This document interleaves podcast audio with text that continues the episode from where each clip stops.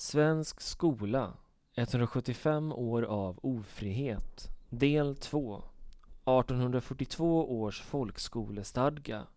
Publicerat 9 maj 2018 av Rickard Dahlin. Även om det fanns liberala tankegångar om att alla barn skulle lära sig att läsa, skriva och räkna handlade 1842 års folkskolestadga snarare om disciplinering av en allt större underklass. Jordbruksreformerna, alltså förbättringarna inom jordbruket under första hälften av 1800-talet, hade lett till att det fanns allt fler backstugesittare, jordbruksarbetare, torpare och inhysejon. Dessa fattiga människor behövde tuktas och eftersom hela samhället hade sekulariserats var den nya statsreligionen demokrati, därav att folk behövde demokratiseras. Allmogen utgjorde ett hot mot den rådande ordningen och därför behövdes undervisning som syftade till disciplinering, underkastelse samt demokratisk och nationalistisk fostran. Det var de fattigaste familjerna som hade det svårast att leva upp till statens förväntning om att alla barn skulle gå fyra år i skolan. Dessa barn förväntades att hjälpa till med jordbruket och sköta enklare sysslor i hemmet för familjens överlevnad. Detta ledde till att många barn bara gick i skolan på halvtid, så kallad deltidsläsning. Det innebar att vissa skolor fick dela på lärarna och att vissa barn bara gick några dagar i veckan eller ett par månader åt gången. Diskrepansen mellan ambition och utfall är ett återkommande inslag i svensk utbildningshistoria. Även socknarna kommunerna var inte helt övertygade om förträffligheten med folkskolestadgan. Många socknar snedstreck kommuner ville att den skulle rivas upp eftersom staten ålade socknarna snedstreck kommunerna en stor ekonomisk börda när de blev tvingade till att axla ansvaret över utbildningen. Med andra ord var situationen då som nu mycket påfrestande för många kommuner med statliga påbud. 1846 infördes Skolinspektionen. Kvaliteten skulle säkras. Anledningen var att många kommuner inte levde upp till statens förväntningar och Skolinspektionen var ett faktum redan efter fyra år med statlig skola i kommunernas regi. Under 1860-talet infördes Folkskolebyrån. Syftet var att öka kontrollen över skolan samtidigt som behovet av en nationell fostran hade ökat i och med nationalstatens och nationalismens framväxt. Trots att staten fick ett större inflytande över skolan ökade även kyrkans makt över densamma i och med kommunreformen 1861. Kommunerna ersatte socknarna. Kommunerna delades upp i en kyrklig och en borgerlig del där den kyrkliga tog hand om skolan.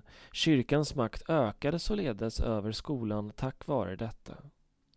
Folkskolestadgan innebar emellertid inte skolplikt. Den kom först 1882 där antal timmar också utökades från fyra till sex. På 1800-talet ökade staten på sin styrning av skolan trots att det huvudsakliga ansvaret låg på kommunerna. Anledningen var att staten inte alltid gillade hur kommunerna bedrev och finansierade skolan.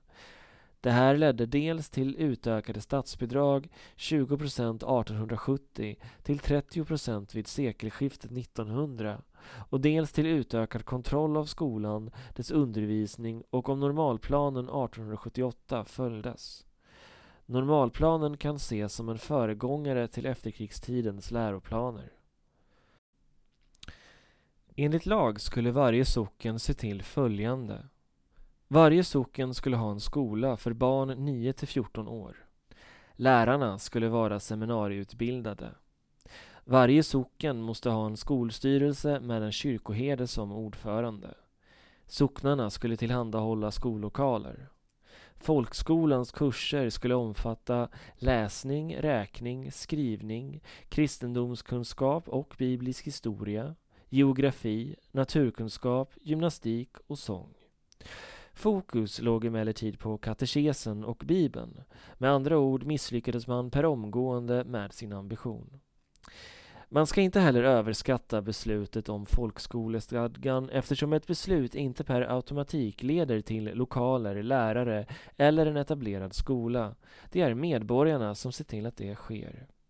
Eftersom den svenska befolkningen redan kunde läsa och skriva, var vana vid husförhör och dessutom själva insåg vikten av att förvärva dessa kunskaper föll det sig naturligt för många, men inte alla, att skicka sina barn till skolan.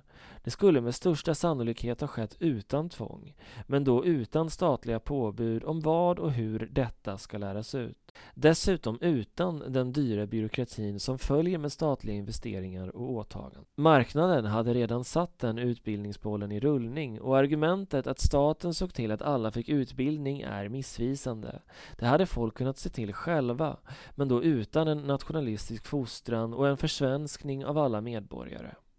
Hade skolan blivit mer marknadsanpassad hade vi möjligtvis haft olika typer av skolor idag som hade haft ett bättre lokalt förankrat utbildningsväsende som med största sannolikhet hade gynnat just landsbygden, vilket då som nu var Sveriges fattigaste kommuner. I ett fritt samhälle får folk själva välja hur de vill spendera sin tid eftersom tid är pengar och man kan säga att humankapital också är en resurs. En resurs som tar tid, alltså kapital, att förvärva. Om man som enskild individ inser vikten av att kunna läsa, skriva eller förkovra sig i jordbruk eller dylikt kommer man att skola sig inom detta område. Det i sin tur leder till att ens resurser, i detta fall tid, läggs på det som man anser sig ha störst vinning för i framtiden. Beslut tas a priori av individen, alltså vilken framtida avkastning kommer jag att få ut av detta beslut, som Ludwig von Mises påpekar i sin bok Human Action. När staten gick in och tvingade barn att gå i skolan förintades den möjligheten för den enskilda familjen att fatta beslut om hur man vill allokera sina resurser. En fattig familj som väljer mellan att få sitt jordbruk att fungera med hjälp av sina barn ställs då mellan att välja mellan skola för barnen eller svält. Svält är inte ett bättre alternativ, hur bra det än må låta i en samhällelig och politisk diskurs om en skola för alla eller gratis skola. Denna likriktning som folkskolestadgan innebar ledde till att de fattigaste fick det svårast att leva upp till förväntningarna. De fattigaste kommunerna lyckades inte infria de kraven staten hade och folks resurser lades inte där det gjordes mest nytta för den enskilde. Resurserna lades på det som staten ansåg var bäst. Disciplinering och nationalism. Inte att gynna marknaden och handeln, vilket med största sannolikhet låg i folkets intresse. Samma utmaning har vi idag med ett utbildningsväsende som har mycket dålig förankring på arbetsmarknaden, i synnerhet högre utbildning. Om man nu verkligen kan kalla det för högre utbildning.